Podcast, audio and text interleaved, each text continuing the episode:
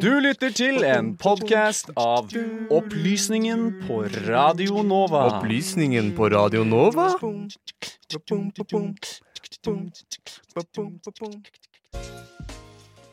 Ja, Sander, vi går jo fra Russland, og så krysser vi grensa.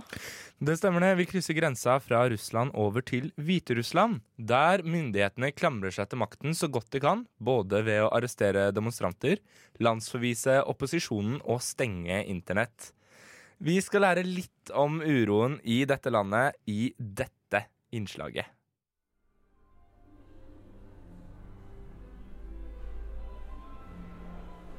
I 2005 kalte president George Bush Hviterussland for Europas siste diktatur. Det var da, som nå, Aleksandr Lukasjenko som satt bak roret i Minsk, hovedstaden i landet som på sett og vis aldri ga helt slipp på Sovjetunionen.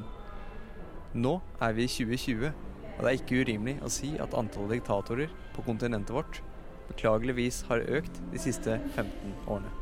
Men hvorvidt Hviterussland skal fortsette å være et av disse, er det nå kamp om. Hviterussland har i den siste tiden vært gjenstand for store protester mot regjeringen. Denne politiske usikkerheten begynte i tiden før presidentvalget den 9. august. Flere opposisjonskandidater ble nektet å stille.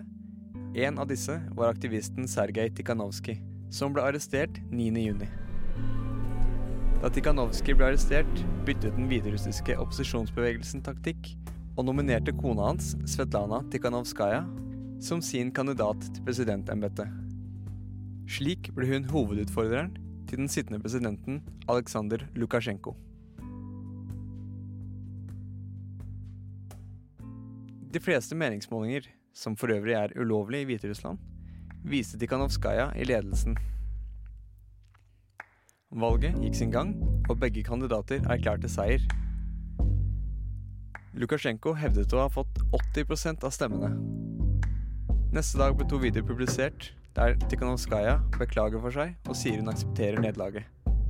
Opposisjonsbevegelsen mener hun ble presset av Lukasjenko-regimet, og hun har siden reist ut av landet, til Litauen, der resten av familien hennes hadde flyktet.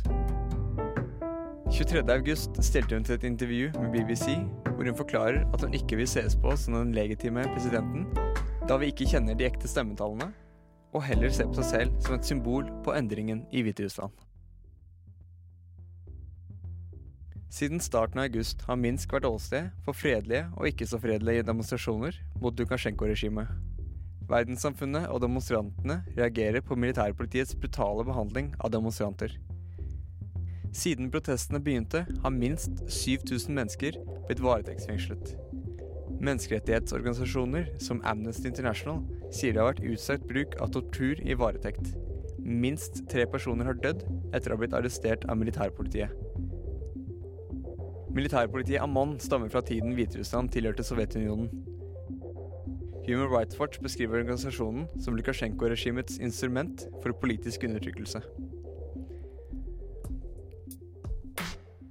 Myndighetene forsøker å demme opp uroen ved å blokkere kommunikasjonen mellom demonstrantene. Dette har de bl.a. gjort ved å midlertidig stenge ned internettet i landet.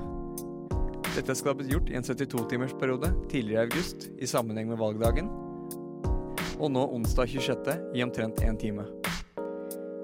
De hviterussiske demonstrantene har prøvd å omgå myndighetenes sensurforsøk ved å ta i bruk den krypterte meldingstjenesten Telegram og Nexta-kanalen på denne plattformen. Denne kanalen er drevet av en ung hviterusser basert i Polen.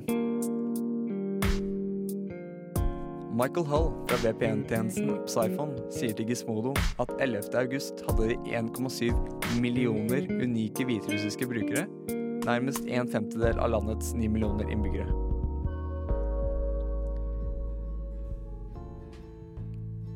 Da det ble mulig for de som hadde sittet i varetekt å begynne å fortelle sine historier, gikk tusenvis av arbeidere ved statseide fabrikker ut i streik. Koordinert av opposisjonen, som sier i en uttalelse vi fortsetter å kreve Lukasjenkos oppsigelse. Hvert minutt han fremdeles er ved makten, ser vi store økonomiske tap.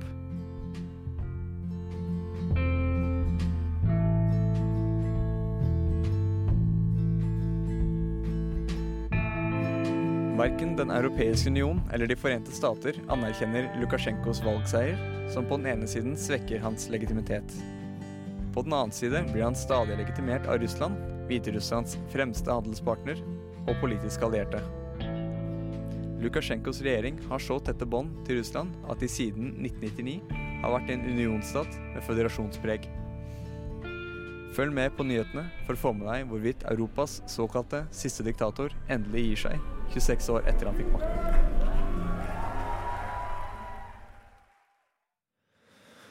Og denne saken her, den var laget av Sebastian Hagel og Benjamin Nordtømme. Når vi kommer tilbake, så skal vi reise en liten tur til Libanon. Men før det, Mallgirl og låta Love Me. Du har nå hørt en podkast fra Opplysningen 99,3. Finn denne og tidligere episoder på Spotify, iTunes eller der du måtte finne dine podcaster ellers.